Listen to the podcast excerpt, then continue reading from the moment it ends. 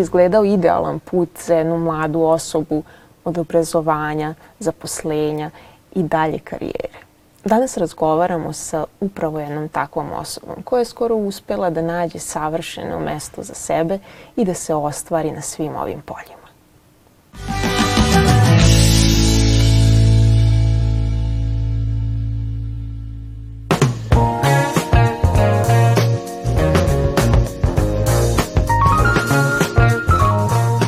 Dolazi moj današnji gost. Razgovor koji ćemo voditi tiče se svih mladih, ne samo mladih sa invaliditetom. Govorit ćemo o obrazovanju i koliko je važno da svi imamo to iskustvo edukacije, usmeravanja i koliko nam se život promeni onog trenutka kada stupimo na tle, kada budemo prihvaćeni i među svojima. Sa mnom danas Nenad Duraković. Nenade, dobrodošao. Hvala puno Milice na pozivu hvala tebi još jednom, s obzirom da je bilo u nekom kratkom roku. Jako mi je drago da si danas tu, jer za tebe uvek imam utisak da si prošao ovaj put na,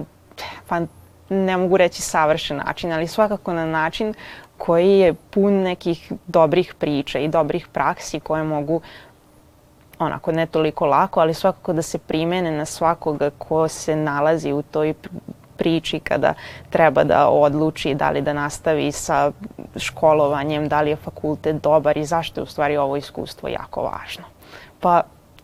vraćamo se na početak, vraćamo se na detinjstvo, na tvoje školovanje i tvoje priče o društvu i kako je taj način i to prihvatanje doprinelo da se ti odvažiš i jednostavno nekim sigurnim koracima nastaviš dalje. Da, detinstvo je onako neki početak i neki najbitniji faktor jer ono te definiše, mislim, kasnije kroz, kroz život i to je nešto što ja mislim za svaku osobu s invaliditetom veoma važno i može da bude problematično, pogotovo ako se ne priča puno o tome i ako se nalaziš u sredini gde ne dobiješ neko razumevanje za neku pomoć koja ti je potrebna, ne tako velika, ali čisto da budeš jednak u svom društvu. E, ja sam imao tu sreću da uh, sam stvarno odrastao u Zrenjaninu, u kraju koji je prihvatio me od prvog dana, svi moji prijatelji i nikad se nisam osjećao nijednom trenutku kao da imam neki problem. Ako treba da igramo žmurke, treba da se popnemo na garažu, cijela ekipa je bila tu da se sakrijemo negde. Tako da ovaj, sam polazak u školu koji je, da kažem, prekrenica nekog toga, jer opet dobiješ neke ljude koje ne poznaješ, e, sreća je bila što su tu bili prijatelji koji su me znali, koji su me, da kažem, nekako postepeno u ubacili to cijelo društvo da budemo onako, da budemo svi jednaki. A generalno problem po meni je nedovoljna edukacija učitelja i profesora, nastavnika, generalno cijelog tog obrazovnog kadra, na koji način se postupaju prema tebi. Ne postoji nikakva procedura, ne postoji ništa jasno definisano i uvek je na toj osobi koja se, ja kažem, nađe u neobranom grožđu. Uh,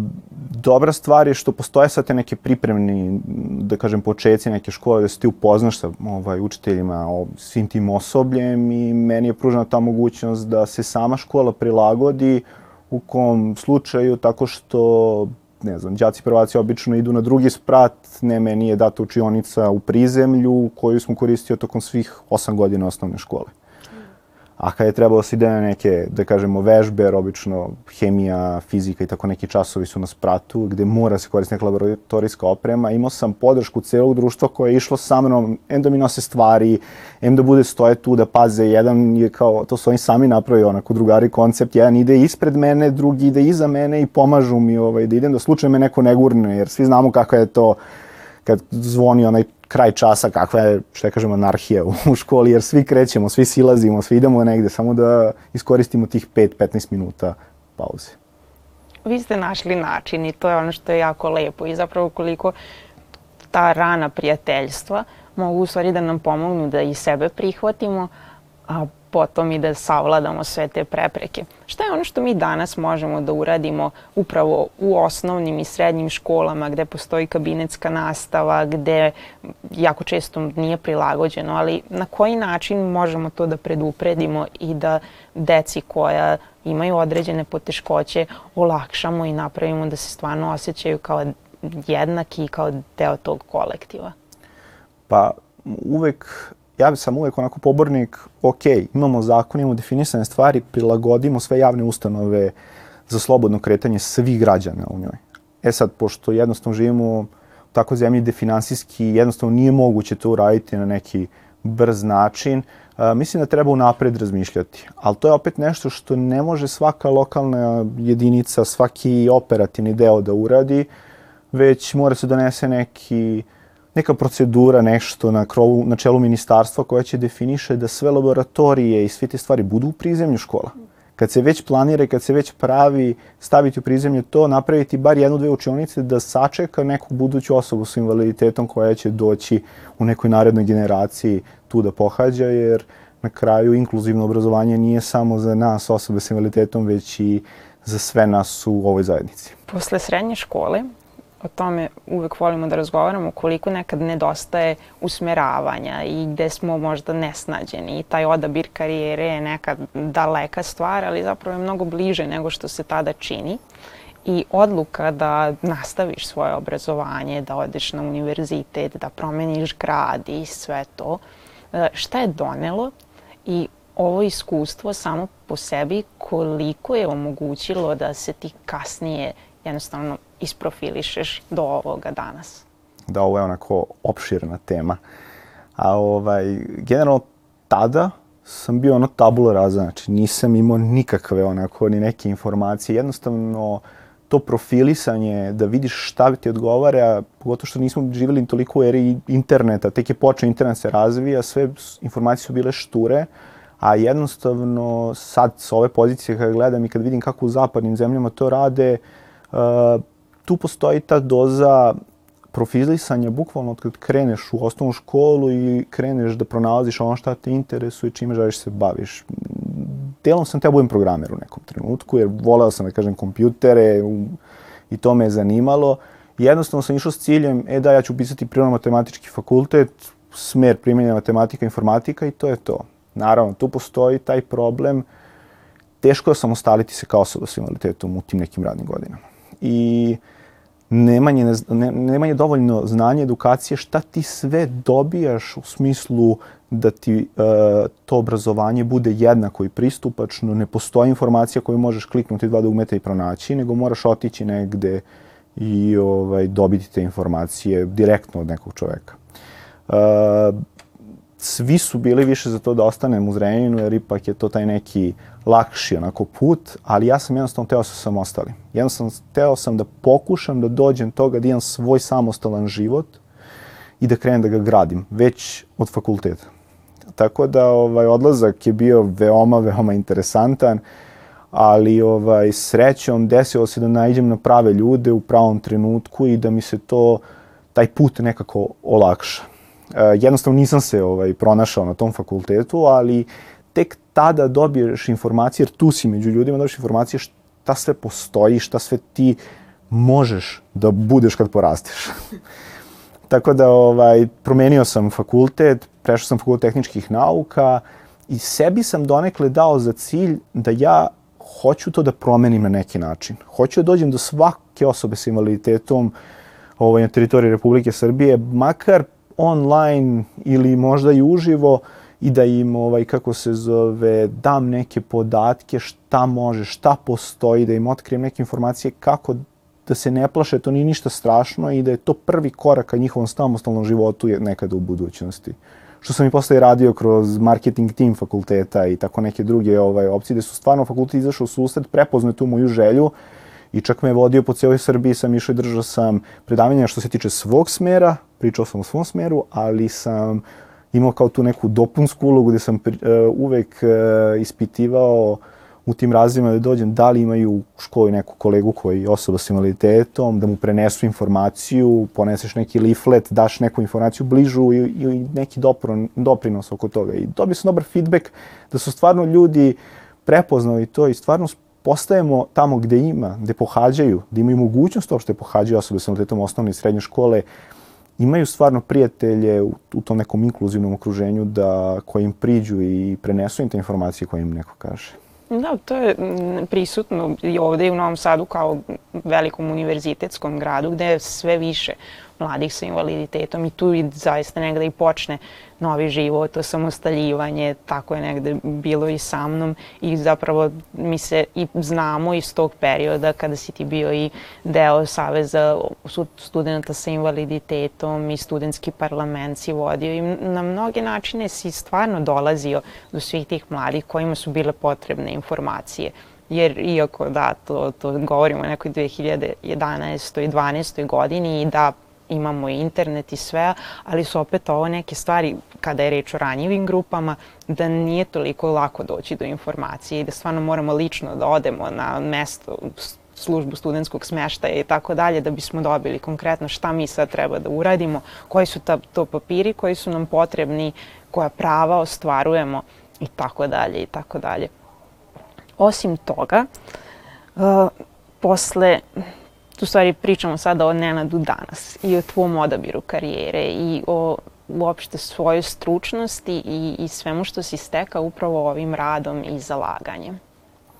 Da, pa to je isto posebna etapa, da kažem, životna i put neki dodatni, jer jednostavno ono što shvatiš kao u nekom samom ranu djetinstvu kao osoba s invaliditetom da prepreke postoje. I svaka prepreka je drugačija nijedna ni ono je, naučio sam sad jednu prepreku da prelazim i sad non stop skačem preko dva metra, mislim, prepreke i nemam nikakvih problema. Te prepreke se konstantno menjaju i nikad nisu, bukvalno nikad nisu iste. Tako da, ovaj, i te prve godine fakulteta ti imaš neku, dobiješ neku snagu, neki vetar u leđa, šta sve možeš da postigneš i s čime sve ćeš se baviš, ali onda kada dođeš na to tržište rada,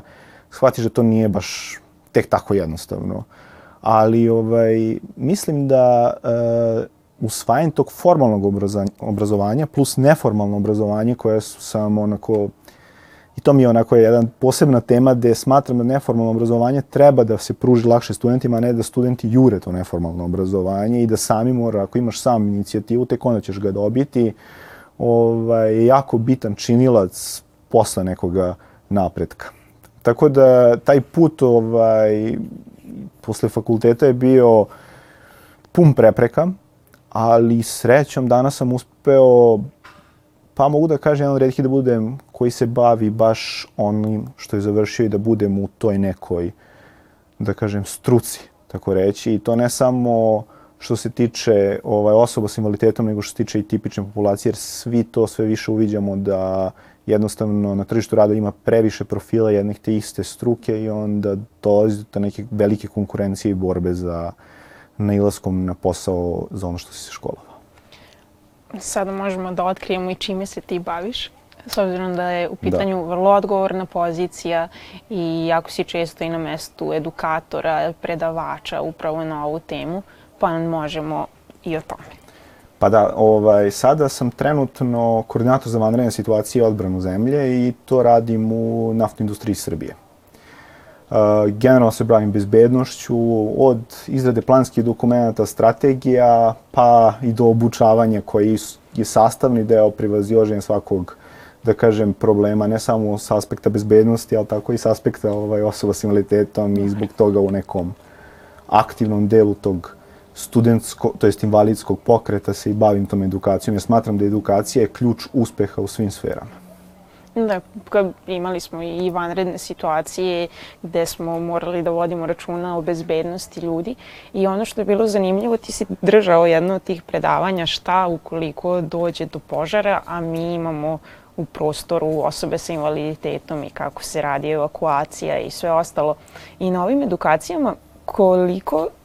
koliko je bilo ljudi, to jest kako su ljudi reagovali i to me zanima ljudi koji jesu osobe sa invaliditetom, ali i oni koji nisu i sigurno su se svi osvestili u nekom momentu da kao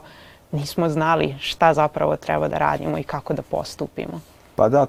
generalno e, u našoj zemlji fali ta edukacija svih koji se ne bave stručnom tom oblašću. Ko se bavi stručnom oblašću, naravno, njemu nije problem, ali prevelik e, broj ljudi uopšte nije upoznat sa nekim osnovnim informacijama i generalno kroz neke mini testove koje uvek dajemo ovaj, nakon te održane obuke svim zaposlenima, ne da bi ih rangirao po bodovima, nego da bi dobio neki, neku povratnu informaciju ovaj, znanja i to obično radim pre samog predavanja, a radim i posle, da vidim da li su usvojili, da li su me, da kažem, slušali u potpunosti. I ono što možemo da vidimo da statistički nekako gledamo 50% ovaj, učesnika tih obuka uopšte ne znaju ni najosnovniju stvar, a to je koji je broj vatrogasno-spasilačkih jedinica. Tako da imamo taj problem koji ovaj, jednostavno postoji, na kom treba da se radi i mislim da ćemo sve više kako dolazi era interneta i slobodnih informacija možda i poboljšati to. Ali ovaj, ono što uvek bude ključno i uvek bude interesantno svima jeste korišćenje uh, aparata za početno ovaj, gašenje požara, jer to je nešto što svi vidimo i stalno su oko nas, ali jako malo nas uopšte zna kako se to koristi i a vrlo je bitno. Vrlo je bitno za prvi neki korak. Da. E, da li si se u bilo kom trenutku možda ti suočio sa nekim predrasudama kao predavač koji dolazi i osoba je sa invaliditetom? Da li je tu bilo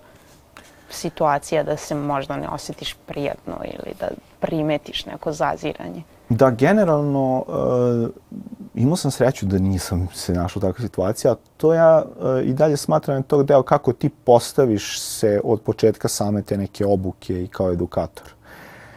Ali generalno kroz sam posao nailazio sam na određene prepreke u svojoj prošlosti, ali i tokom studija, uh, gde dešava se jednostavno da ti kažu pa, naš, postoji tu 70% poslova koje moraš da radiš na terenu. I onda im ja objasnim, ali vi ne razumete inženjerski posao. Tako da postoji taj neka razlika da ljudi nemaju da kažem, širu sliku o nečemu šta se radi i onda kad čuju samo neku reč shvate da, da je zaštita od požara ili zaštita od poplave ili seizmike samo direktno reagovanje na tu situaciju, a zaboravljaju na preventivu i pripravnost. Mm. Ovo pitanje je zapravo bilo šlagvort za, za naš neki zaključak i zapravo koliko je taj tvoj put i tvoje insistiranje možda da ideš težim putem doprinelo i da stekneš i kredibilitet i sve znanje da stvarno budeš potpuno ravnopravan i da ti budeš i nekome nadređen i osoba koja je na odgovornoj poziciji danas. I sad onako da bismo sve sumirali od početka do kraja,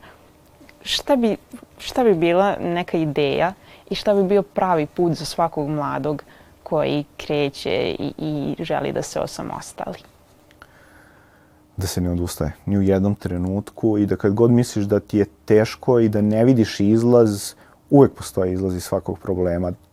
Da li bio neki požar u nekom objektu, možeš pronaći u ovaj izlaze, tako možeš pronaći izlaz iz svog problema koliko si osoba sa invaliditetom ti si to uspeo definitivno bez, to jest sa dosta problema, ali onako na neki način jer obično veličamo te neke velike karijere, uspehe koji su vidljivi, koji su možda trenutni, ali nekako zaboravimo da, da onaj rad i pravi rad koji traje i koji podrazumeva proces, da to donosi neki najlepši rezultat.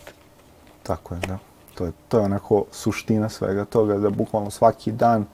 ako 1% svog vremena izdvojiš da radiš na sebi, to će ti za godinu, dve doprineti mnogo na tvom nekom ličnom nivou, ali i na nivou pomaganja svojoj zajednici. Hvala ti, Nenade. Hvala puno. Mi se vidimo već za dve nedelje sa novim gostom, sa novim pričama i nadamo se da ćemo uspeti u ovim kratkim edukacijama i temama koje jesu možda prisutne, ali kroz lične priče, kroz neke afirmativne ideje, da dođemo do svih onih kojima je bio potreban podstrek i nastavimo dalje. Hvala vam na pažnji.